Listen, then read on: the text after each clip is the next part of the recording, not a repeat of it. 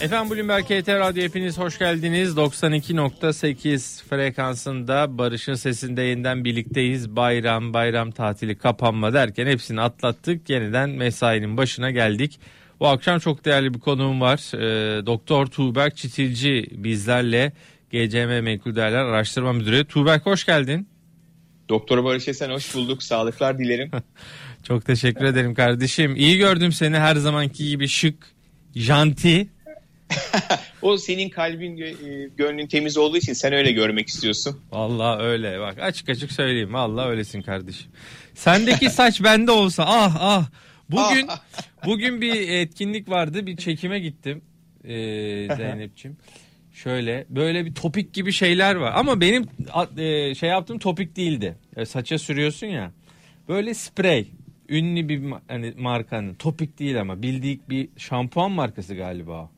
Onun böyle bir spreyi var. Abi bir spreyi bir sürdüm kafaya. Böyle bir saçım var bir genç bir 5 yaş attım vallahi yukarıya doğru. Yemin ediyorum. Kendimi Keramet saçta. Aynen kendimi bir genç hissettim ya. Vay demek ki ektirsek fena olmayacak. Bakalım ikna olursak bir Düşünelim yani sağlık ekonomisinde biliyorsun Türkiye bu alanda çok iyi. Özellikle saç ekimi konusunda. Aynen aynen. Ee, şimdi bu yeni haftaya başladık ama tabii biz kapalıyken e, Amerikan enflasyonu falan koptu gitti piyasalar sallandı ama biz haftaya evet, iyi evet. başladık. Dolar 8.31'e kadar düştü. Borsa %1 yakın yukarıda 1454. Neden iyi başladık diye sana sorayım bugün. Bu arada izleyicilerimiz dilerlerse bizleri arayabilirler. %47'lik bir İstanbul'da trafik yoğunluğunu görüyorum. 0212 255 59 20 canlı yayınımızın telefonu 0212 255 59 20'den e, Doktor Tuğberk Çitilci'ye sorularınızı iletebilirsiniz. Tuğberk neden iyi başladık? Barış aslında bu bayram tatili bize finansal piyasalarda ilaç gibi geldi. Çünkü o Amerika'daki yakıcı yıkıcı enflasyon verileri sonrasında S&P 500 başta olmak üzere bütün ABD borsa endekslerinin sert aşağı yönlü hareketler oldu. Daha sonra da piyasa şunu algıladı Amerika tarafında. Ya tamam enflasyon var ama FED tarafına dönüp bakıyorum. Tahvil alım programını kısa sürede azaltacağım diyor mu? Hayır demiyor. E, ben hisse senedi işlemi yapıyorum. Hisse senetlerinde sevdiği en büyük hikaye nedir? Enflasyon. Neden enflasyonu sever? Çünkü bir büyümeye işaret eder. E, şirket karlılıkları da yani EPS dediğimiz e, dinamik de büyümeye odaklı olduğundan dolayı piyasa bu büyüme hikayesini satın aldı. Fakat bugün baktığımızda tekrar enflasyon tarafında negatif bir algıyı oluşturdu. Ee, işte e, Amerikan endekslerinde şu anda %1'in üzerinde bir satış bulunuyor. S&P'de de özellikle e, 4130 referans seviye 4130'un üzerinde kalacak mı kalmayacak mı? Kalmazsa tekrar bir ikili dip formasyonu 4025-4000 seviyesine kadar bir çekilme olabilir. Evet. Dolayısıyla biz de bu durumu atlatınca e, pozitif olarak başladık. İşte X Bank %2'nin üzerindeydi. Kurda o 8.50'lerden 8.30 seviyelerine kadar bir gerileme şu anda 8.35-8.37 bandında bir dengelenme oldu. Dolayısıyla iyimser bir haftaya başladık. Evet bugün e, işte garanti falan görüyorum. Orada e, bayağı bir yükseliş e, olmuş %3'ün üzerinde. Evet bankacılık bankacılık iyiydi bugün. Bankacılık e, neden sence? Banka banka yani biraz e, bankaların tabii çok ucuz olduğunu vesaire biliyoruz ama e, bankacılık endeksinin daha önümüzdeki dönemde e, önümüzdeki döneme dair beklentileri nasıl? Barış normalde şimdi ucuzluk diyoruz ama şimdi bu ucuzluk artık doğal iskontoya geçti. Yani yerleşmiş bir ucuzluk var. Ve bu ucuzlukta hani e, şu anda yılbaşından itibaren banka hisse senetlerinin performansına baktığımızda kamu ve özel dahil %23 ile %35'lik bir değer kaybı var. Özellikle fiyat performansı anlamında. 12 e, aylık hedef fiyatlarla mevcut e, fiyatı kıyaslıyoruz. Neredeyse bütün bankalarda %40 ile %50 bir yukarı potansiyel bulunuyor. Ama buna rağmen kurumsal yatırımcı olmadığından dolayı bankalarda bu e, gün içi trade veyahut da uzun dönemli portföylere girişlerden dolayı bankacılık sektöründe yukarı yönlü hareketler görüyor. Şimdi burada şunu sormak lazım. E, %19 bir politika faizi var kur göreceli bir sakinlikte ve yurt dışındaki getiri arayışında olan portföyler veyahut da fonlar neden Türkiye'ye dahil olup bu bankacılık sistemindeki ucuz hisse senetlerinde stratejik olmasa bile taktik anlamında giriş çıkışlar yapmıyorlar. İşte bu aslında e, negatif bir soru işareti olarak bankacılık endeksi ve hisse senetlerinde kalıyor. Evet biraz da e, kura bakalım. Bugün e, yani hafta sonundan gelen bir 8.47'yi falan gördüm ben. Yani evet, neredeyse evet. 8.5'a gelen bir e, dolar TL vardı. E, bugün de hem euro TL o da 10 11'e kadar düş. 10 20'lerdi galiba orası da. E, euro dolar biraz tepki vermeye çalışıyor. 1.21.56 çok sert olmasa da biraz euro güçlenmeye çalışıyor ama TL bugün e, bayağı bir e, güçlü gibi Tuğberk. Bu bu havayı nasıl değerlendiriyorsun ve kurdaki bu geri çekilme yeni hafta başı itibariyle? E, Barış aslında bu 8.50-8.55 e, fiyatlama dinamiğinde e, sanki bir görülmez el var. Yani oralara değiyor oradan geri çekiliyor. Aslında şu anda kur tarafında kötünün iyisi. Yani biz hala değersiz bir Türk lirasının sabitliğiyle kalıcılığıyla baş başayız. Ve burada sadece bizim iç dinamiklerden değil yılın ikinci yarısında özellikle FED kaynaklı para politikasının Merkez Bankası tarafında e, değişmesi kuvvetle muhtemel. İşte yılın ikinci yarısı öncesinde bu kurdaki aşağı yönlü hareketlerin veyahut da çekilmenin sınırlı kalmasının nedeni de acaba Merkez Bankası yaz döneminde kredi aktarım mekanizmasını veyahut da ekonomik aktiviteyi desteklemek için şok ani bir faiz indirimi yapar mı yapmaz mı? E, bu biraz beklentilerde dahil olduğundan dolayı kurdaki değer hareketi e, çok fazla kalmıyor. Orada da kısa dönemli teknik olarak 34 günlük basit hareketli ortalama var. Yani 8.23 seviyeleri. 8.23 seviyelerine kadar bir e, diyelim ki iyimserlik olduğu zaman da geri çekilme ama onun aşağısındaki hareketlerin ihtimalini zayıf olarak değerlendiriyor. Hem gerek yurt içindeki enflasyon dinamiği hem de yurt dışındaki Amerika kaynaklı yakıp yıkıcı enflasyondan dolayı. Tuğberk bir teknik açıdan baktığında şöyle grafiğe baktığında e, kur için özellikle dolar TL için evet. ciddi böyle bir sıkışma sen de görüyor musun? Böyle bir Evet. Ee, yani evet. yukarı aşağı aslında o belki 8.5 yukarıda aşağıda 8.20 8.30 böyle ama giderek de daralan bir e, hani üçgen mi diyeceğiz artık ona e, ne diyeceğiz teknik açıdan sen daha e, güzel anlatırsın. Bu e, sıkışma e, bir şey ifade ediyor mu? E, ne anlama gelir? Kırılma ihtimali e, kırıldığında ne olur? Bu konuda yoksa böyle sakin barış gidebilir mi dersin? Bir sıkışmayı tabii sen de görüyor musun? Dikkatini çekiyor mu ne dersin? Tabii Barış bu sıkışmayı görüyoruz. Yani geçmiş dönemdeki e, fiyat referansına grafikte baktığımız zaman da işte hani o 6.85-7'deki e, o sıkışma gibi uzun bir süre e, baskılandığı seviye gibi biz burada da işte o 8.50-8.55'te bir e, ciddi bir baskılanma e, görüyoruz. Şimdi burada net bir e, sıkışma var. Ama o sıkışma tarafında sanki biraz daha e, durumu yurt dışı algı belirleyecek. Eğer bizim iç tarafta Merkez Bankası'ndan faiz indirimi şeklinde bir sürpriz gelmez e, ise ama sanki şu anda yukarı yönlü e, kırma riski aşağıya göre e, daha fazla gibi duruyor. Çünkü Merkez Bankası'nın kontrolünde olmayan Amerika e, FED bilançosu Fed'in varlık alımlarında ne yapıp ne yapamayacağı, Amerika kaynaklı yıkıcı enflasyon gibi faktörler birleştiğinden dolayı hani kurda aşağı yönlü geri çekilmelerin sınırlı kalması ama yukarı yönlü gitme potansiyeli daha fazla gibi duruyor. Burada e, yukarı e, yani gitme e, ve doları tercih etme konusu alternatif getiriler. Şimdi bakıyorum ben %18-19'lar mevduat faizlerinde işte hoş evet. geldin faizleri bankaların. Aslında gayet yüksek. Yani e, böyle bir matematikle işte 8.30'larda diyelim 8.40'larda neyse doların üzerine koysak e, 9.5'lara falan 9 9.5 aralığına doğru dolar TL gidiyor. E, bu hesapla yıl sonuna doğru. E, ama e, yani burada e, mevduat faizlerinin e, e, cazipliği e, konusunda tercih edip edilmemesi konusunda e, nasıl bir yorum yaparsın? Şimdi Barış burada özellikle mevduat sahibi yani mudiler tarafında aslında yüksek bir faizden feragat ediyorsunuz. İşte buradaki bir unsur da hani e, bankacılık DTH dışındaki yastık altındaki dövizde e, yatırımcılar e, paralarını sisteme sokmak istemiyorlar. Sistemdeki olan DTH'lar e, anlamındaki parada da e, özellikle paranın Türk lirasının dolara karşı değer kaybını e, koruma bir nevi enflasyona karşı seç etme ve ileriye dönük beklentilerin hala iyileşmediğinden dolayı Türk lirasına bir güvensizlik bulunuyor. Bu güvensizlik de zaten DTH'lardaki e, yüksek üç haneli e, rakamlarla bize bu net ifade şeklinde e, yansıyor. Tabii işin matematiğine baktığın zaman da Türk lirası ama burada da yatırımcıya şunu söyleyemezsiniz. Hani sen neden Türk lirası tutmuyorsun, e, pound, euro veyahut da döviz tarzında farklı bir para birimi buluyorsun. Bu çeşitli finansal varlıklarda yatırımcıların finansal varlığıdır. Bir de şunu düşünelim belki o Moody'lerin bu Türk lirasından gelecek döviz e, hariç tuttuğumuz zaman da e, faiz gelirine ihtiyacı yok. Orada çok uzun dönemli olarak e, paranın değerini koruma amaçlı olarak parayı faiz almadığı bir döviz mevduatına park ediyor. Aslında böyle durum değerlendirilebilir. Evet. Peki e, istersen e, biraz da şöyle altına bakalım. E, ons evet. altın cephesine. E, gramda bir 500 liraları falan zaten geçmiştik gram altında hem dolar TL'nin hareketi. E, yeni hafta başı itibariyle e, altın da fena değil. Ons e, gümüş %2.8 yukarıda mesela 28.2 dolara kadar gelmiş. E, emtia cephesi e, hepsi yukarıda yine bugün baktığımda hem tarımsal emtia e, hem diğer taraf.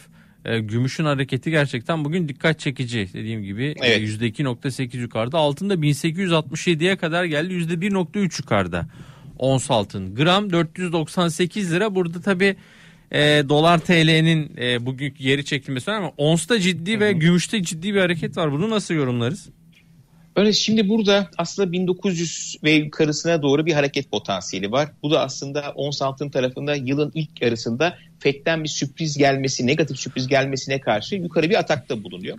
Ne oldu da peki ons yukarı yönlü hareket etti? İki faktörü var. Birincisi borsa yatırım fonlarındaki toplam altın miktarı yani ETF'ler Mayıs ayından beri e, yukarı yönlü devam ediyor. Bu destekleyici unsurdu. İkinci olarak Amerikan tahvil faizleri de piyasa döndü dedi ki ya tamam biz enflasyonu şahin duruyoruz aşırı abarttık. Dikkat edersen o e, 2008'den beriki en sert yakıcı yıkıcı enflasyon geldiğinde bile Amerikan 10 yıllığı 1.70-1.72 bandına değdi. Oradan sonra geri çekildi. Şu anda geniş band 1.60-1.70 bandı. E, fakat hem Amerikan tahvil faizlerinde aşağı yönlü gitmesi sınırlı kalıyor. Neden? Çünkü tahvilin sevdiği büyüme ve enflasyon dinamiği var. 1.70'in üzerine çok fazla gidemiyor, kalıcı olamıyor. Çünkü neden? Enflasyonda ilave bir şok gelmiyor. Herkes enflasyonun yükseldiğini, yıllık 4.2'ye ulaştığını biliyor. Bu tahvil faizleri geri çekilip dengelendiğinden dolayı ons altında yukarı yönlü hareket etti. Ee, orada ana trend 144 günlük basit hareketti. Ortalama 1815 seviyesi bunun üzerinde pozitif ki zaten bu seviyeyi aşmış durumda. Ee, ikinci bir diğer eşikte 200 günlük basit harekette ortalama 1846 seviyesi. Bunun üzerinde kaldığı sürece tekrar psikolojik 1900 seviyesine doğru bir deneme. Eğer biz ons altın tarafında Fed'in olası tahvil alımları ile ilgili açıklama yapma, yapmaması durumuyla beraber e, yılın ikinci yarısının ilk başlarında e, maksimum seviyeyi görüp oradan sonra Fed odaklı olarak ons altının geri çekildiği bir senaryoyu görüyor olabiliriz. Peki Amerikan 10 yıllığı da işte bugün baktığım 1.64'lerde faizler evet. e, 1.55-1.60 aralığında çok e, kalmıştı. Ama 1.70-75'in üzerine de geçmeyen bir ABD 10 yıllık tahvil faizi vardı. Bunu e, yılın ikinci yarısında %2'ye doğru e, bu hareketi bekler miyiz Tuğberk? Enflasyon ki 4.2 çıkmıştı değil mi? Biz evet, kapalı evet. olduğumuzda Nisan enflasyonu Amerika'da. Barış beklerim. Neden beklerim? Çünkü şunu referans alıyorum. Biden'ı referans alıyorum. İşte e, bugün biraz önce e, Biden'ın açıklamaları vardı. Amerika ilk defa kendi iç tarafında kullanmaya onay verdiği aşıları ihraç edecek. İlk etapta 20 milyon doz, total rakamda 80 milyon doz var. Ve bunu da Haziran'ın e, sonunda yaptım diyecek. Şimdi geriye dönüp bakalım. Bu Haziran'ın sonu söylemi tarihi neden önemli? Biden şunu söylemişti yılın ilk başlarında. 4 Temmuz ABD bağımsızlık günü sonrası 7 Temmuz'da Amerika'yı tamamen açmayı planlıyor. Şimdi sen 80 milyona yakın bir aşı gönderiyorsan Haziran'ın sonunda o zaman adama dönüp sorarlar. Sen kendi ülkendekileri aşılamadan gidip de neden dünyaya 80 milyonluk bir aşı ihraç ediyorsun? Demek ki Biden 7 Temmuz'da kuvvetle muhtemel Amerika'yı açacak. Bu da eşittir. Büyüme, talebin patlaması, enflasyon olması, yılın ikinci yarısında Fed'in para politikasının değişiyor olması bu kuvvetle muhtemel 7 Temmuz'da açılırsa sonbaharda biz Fed'in varlık alımlarını azaltma konusundaki yol haritası, söylemleri e, veyahut da ona ilişkin forward guidance'ını çok fazla e, duyuyor ve bunun fiyatlamalara dahil olduğunu göreceğiz. Dolayısıyla ben 7 Temmuz'da Amerika'nın açılıp açılmadığını referans alırdım. Eğer açtıkları zaman da Amerikan 10 yıllıkları yukarı eğer açmazlarsa büyüme bir miktar sekteye uğrayacağından dolayı Amerikan 10 yıllığında o 1.72 bandında kalırdık.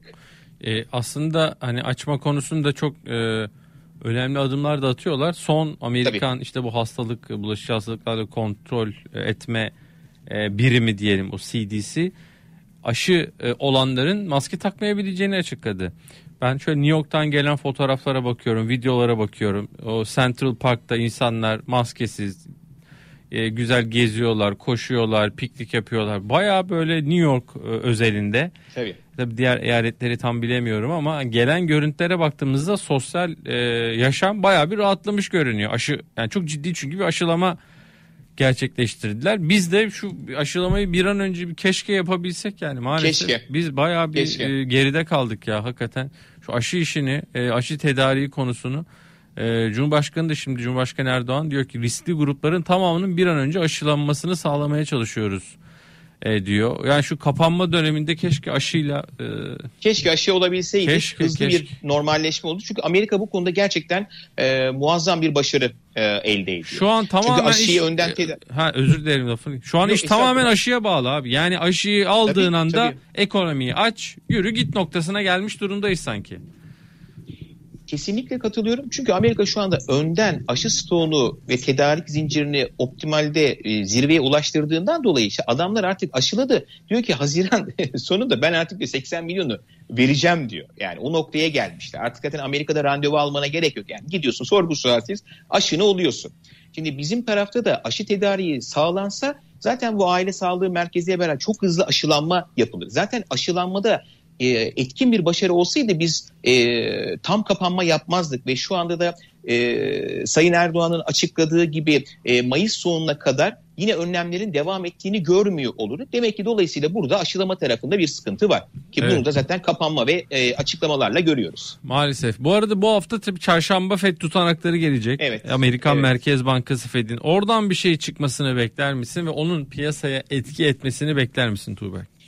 Hafif bir etki olabilir. Enflasyon. Bakalım üyeler kendi aralarında enflasyon konusunda şahin mi güvercin mi? Çünkü şu anda Fed'in genel tonlaması e, güvercin. Tamam enflasyon var ama abartmayın. Ben bunu kontrol altına alırım diyor. Zaten şimdi burada aslında şu var e, Barış. Biraz da Fed'den rol çalan eski Fed Başkanı Yalın, Hazine Bakanı Yalın. Şimdi Yalın'la Powell arasında böyle bir e, sanki terazide güç dengelerinde bir değişme var.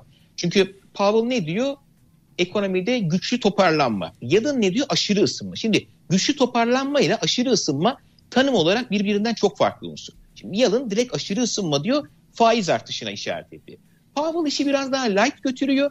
E, güçlü toparlanma verilere bağlıyız. İşte virüs faktörleri dikkate alınıyor diyor. Bakalım üyeler kendi aralarında bu e, ekonomik aktivitenin ne kadar toparlandığı, varlık alımlarıyla ilgili herhangi bir azaltım tartışılıp tartışmadığına ilişkin böyle nokta atış kelamlar gelirse o zaman piyasayı etkiler. Ama onun dışında hani bildiğimiz şekilde virüs kaynaklı riskler devam ediyor. Ekonomik aktivite genişleyecek. FED yeri geldiği zaman da müdahale eder söylemleri e, piyasayı çok da fazla e, tırnak içinde bir türbülansa sokmaz diye düşünüyorum.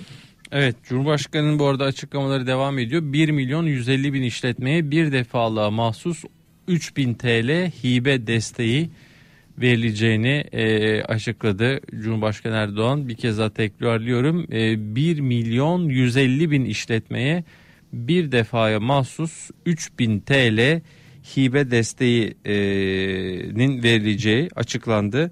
E, devletin o işte helikopter para doğrudan destek e, dediğimiz e, hibe desteğini artık Türkiye'nin de e, devreye soktuğunu görüyoruz. 235 bin esnafa da 5 bin lira yine hibe desteğinin e, geldiğini görüyoruz. Bu e, hani doğrudan destekler hep konuşuldu aslında Tuğberk salgının başından bu yana. E, evet. Değil mi? Yani burada artık e, hibe desteği, kredi politikasından ziyade doğrudan kamudan, e, bütçeden belki destekler e, buraya da gelmiş e, durumdayız sanırım. Bu işin uzaması esnafın e, kapanmalarla zor durumda kalması işte 17 gün en son kapandık yine kamunun böyle bir adım atmasını gerektiriyor sanırım. Ne dersin?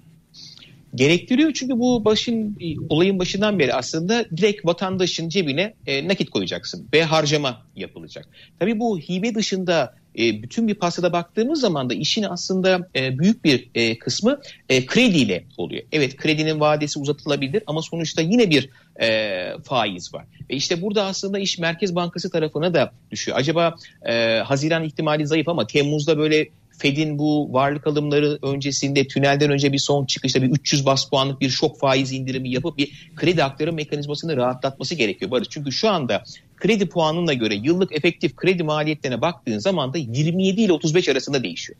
Yani bu gerçekten e, yüksek kelimesi çok az kalıyor. E, bu maliyetlerle işletmelerin dönmesi veyahut da kredi kartı borcunu kapatmaya çalışan hane halkının borç döndürmesi açısından da oldukça yüksek bir maliyet. Dolayısıyla bir noktada faizlerin inmesi gerekiyor. Hibe evet pozitif destekleyici bir unsur ama iş krediyle döndüğünden dolayı bu kredi faizlerinin bir şekilde düşmesi gerekiyor.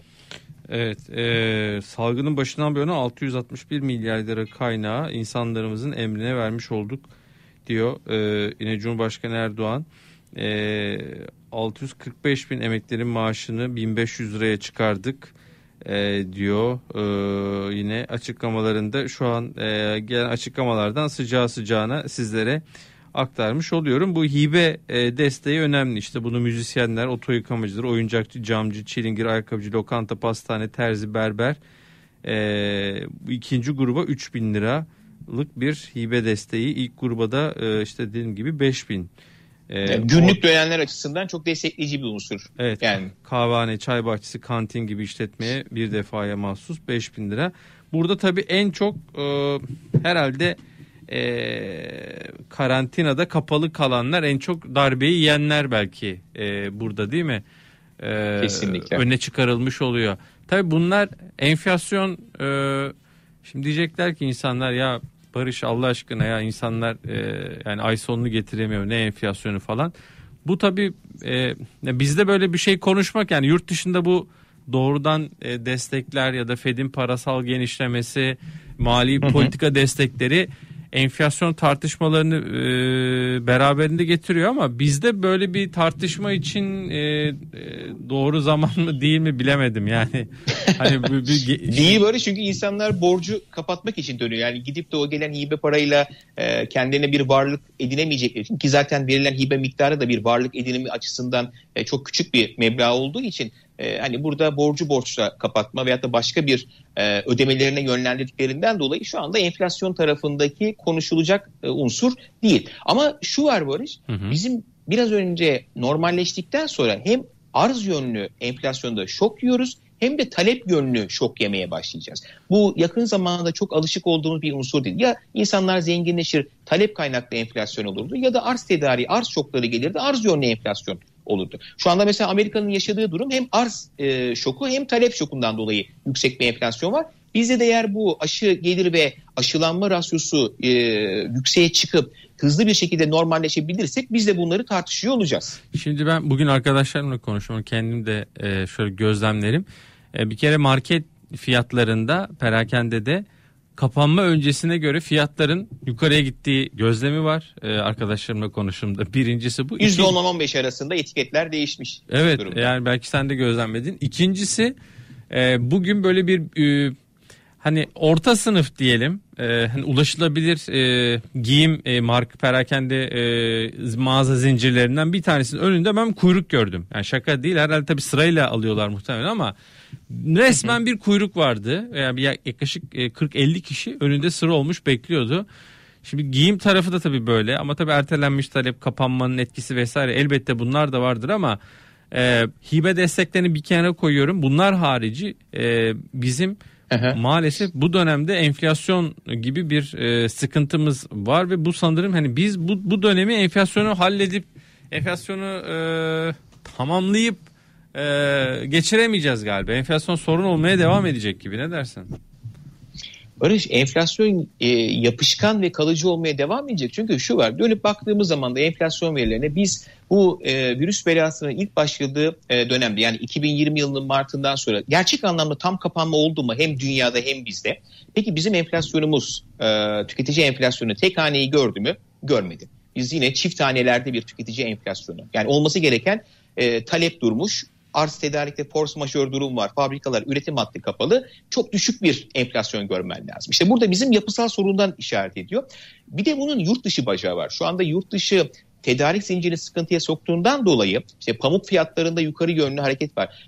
Kuvvetle muhtemel hani e, o mağazaya demeyelim ama bütün mağazalarda da şu anda insanların kışlık ürünleri şimdiden almasını talep etmesinin nedeni ileri vadedeki pamuk fiyatları ve özellikle ayakkabı, kavuçuk fiyatlarının yukarı yönlü gidiyor olması. Çünkü kavuçuk e, pandemi virüsünde tıp alanında eldiven olarak kullanıldığından dolayı şu anda Endonezya'daki ve Türkiye'deki en önemli eldiven üreticisi firmanın iki yıllık üretim prosesi kapanmış durumda. Şu anda Dolu yani. istediğin zaman da eldiven tedarik edemiyorsun. İki yıl kapanmış durumda şu anda. Bu kavuçuk fiyatları zaten kavuçuk arz olarak sıkıntılı bir e, tarım ürünü. Dolayısıyla bu ayakkabı fiyatları ki zaten e, geride bıraktığımız aydaki enflasyonda yükselenler kaleminde giyim ayakkabı vardı. Ayakkabı kavuçuk fiyatlarından gidiyor. Şimdi acaba sen bu sezon işte X birime alacağın bir ayakkabıyı, botu e, acaba kışın kaç artı X birime alacaksın. Dolayısıyla burada şimdi tüketiciler taleplerini ön tarafa çekiyorlar. Çünkü dünyada bir e, emtia tarafında fiyatlar yukarı gidiyor ve gitmeye de devam edeceğinden dolayı belki e, talepler öne çekilmiş oluyor. İşte bu yurt dışındaki yakıcı yıkıcı enflasyonu onun için söylemeye devam ediyorum. E, bu durumda emtia tarafındaki sıkıntı arzdan kaynaklanıyor. Ve şu senaryoyu düşün bir de bunun üzerine insanlar normalleşti. Bu ertelediği hani e, giyinmek. Çünkü insanlar şu anda dışarıya çok fazla çıkmadıkları için hani çok fazla giyinme ihtiyaçlarını hem ekonomik sıkıntılardan hem de tercihler anlamında e, öteliyorlar. O da normalleşmeye başladığı zaman da biz fiyatların daha da yükseldiğini görüyor olacağız. Yani dolar tarafı yurt dışından zaten bir darbe geliyor. Bu iç tarafta e, ithalat kalemi artı üzerine e, gümrük, tedarik zincirleri maliyetleri, diğer e, şirketlerin SGK iş gücü maliyetlerini eklediğin zaman da fiyatlar unsur. Ki zaten aslında Barış e, şöyle noktalıyım. E, özellikle bu e, İspanyol menşeili e, diyelim. Hani o markanın e, fiyatlarına baktığınızda meşhur diyelim. Aa, bana Zaten ben, ben, ben ona yani tabii çok bundan mağdur olduğum için zarar diyorum ben o firmaya. Yani ha, zarar diyelim. Hani şey bizim bütçe bütçeye zarar. evet evet bütçeye zarar diyorum ben e, o firma işin şakası bir tarafa tabii. E, çok tercih edilen e, beğenilen bir marka ama hani e, biz erkekler için sen de eminim yaşıyorsundur.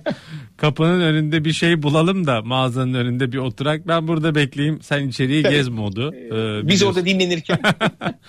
Aynen klasik mod e, öyle bir e, evet. e, firma ama tabii Türk bizim e, tüketicilerimiz bayağı bir tercih ediyorlar, seviyorlar. Şimdi bundan sonrasını biraz istersen konuşalım. E, borsada Tabii. bu hareketin devamı olur mu olmaz mı? Dolar TL'de de düşüşün devamı gelir mi gelmez mi? Şöyle önümüze baktığımız şey çarşamba günü e, biz kapalı olacağız değil mi? 19 Mayıs e, Tabii, bayramımız. 19 Mayıs bayramımız var. Evet gençlik bayramımız var e, o nedenle. E, yani FED tutanakları geldiğinde zaten bizim piyasalar akşam kapalı oluyor ama o gün gün içerisinde de bir fiyatlama olmayacak. Perşembe günü biz Perşembe, Cuma bu hafta böyle evet, bir yarım evet. yarım bir hafta gibi yine bir arada ortada tatilimiz var. Ee, bundan sonrası için ne dersin Tuğberk? Yani çünkü sıkışmayı belki borsa için de ifade edebiliriz. Hani borsada kopup böyle e, kopup yukarıya gitmiyor. Düşüyor sonra bir geri alım oluyor. Ee, çok fazla git, bir satış gibi. Yani orada da sanki bir sıkışma var gibi. Biraz böyle geleceği anlatmanı rica edeceğim.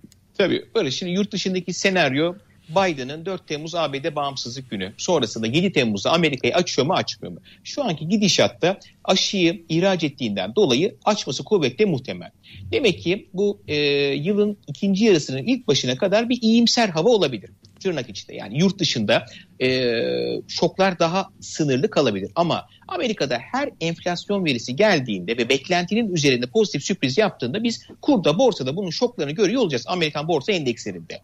Bizim endeks tarafına baktığımızda endeksin matematiği değişti Barış'ım. Biz eskiden hep yıllardan beri e, yani daha doğrusu nasıl diyelim 2000'li dönemlerde biz Doğan Holding'i takip ederdik. Sonra bu bankaya kaydı. Garanti Akbank'ı takip ederdik. Şu anda da endeksin matematiği değişti. Erdemir. Erdemir yukarı, piyasa yukarı. Erdemir aşağı, piyasa aşağı. Endeks matematiğinden kaynaklı olarak. Şu anda endekste evet 1467 majör bir direnç seviyesi. Ondan sonrasında bir 1500 psikolojik seviyesi e, var. Ama bu noktada endeks 30 kurumsal yatırımcıların ilgisinde olmadığından dolayı ulaştırma ve sanayi endeksinde spesifik hisse senetleriyle biz endekste bir e, hareket yarat, yaratılmaya çalışılıyor. Onun için endeks aslında yerinde sayıyor.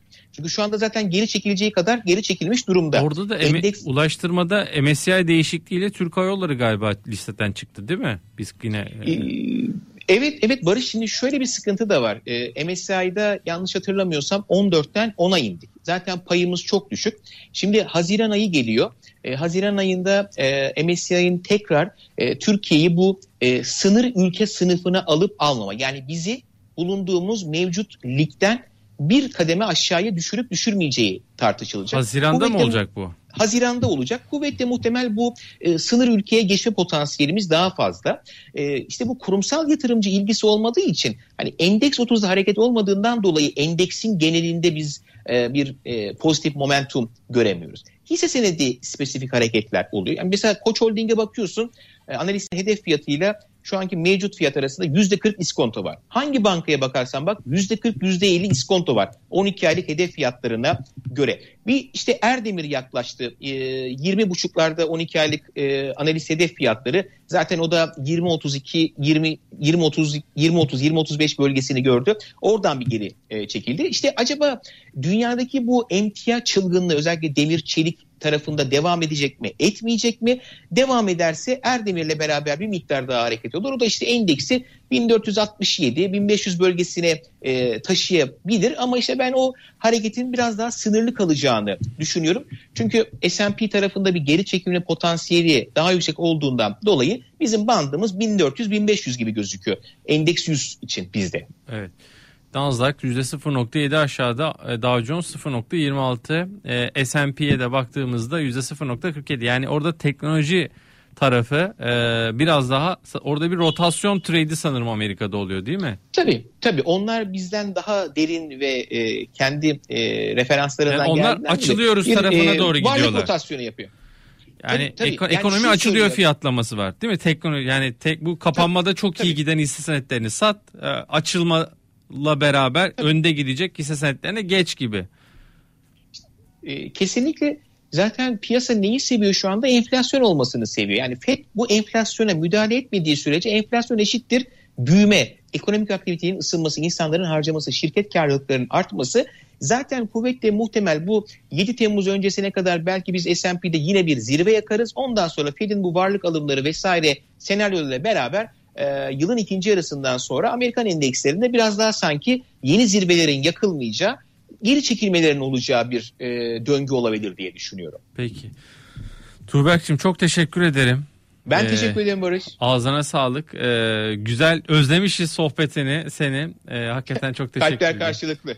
Ben de özlemişim seni. Aileye selamlar, sevgiler. İnşallah yakın baş zamanda üstüne, yine baş üstüne. buluşuruz. Ee, GCM Menkul İnşallah. Değerler Araştırma Müdürü Doktor Tuğberk Çitilci bizlerleydi Barış'ın sesinde. Ee, kendisine çok teşekkür ediyoruz. Akşam 9'da ekonomik görünüm var. 10'da küresel piyasalar. Abdurrahman Yıldırım ve Şeref Oğuz 9'da Recep Atakan ve e, Murat Salar saat 10'da bizlerle olacak. Herkese güzel bir akşam diyorum. Tuğberk'e tekrar teşekkürler. Allah'a ısmarladık efendim. Görüşmek üzere.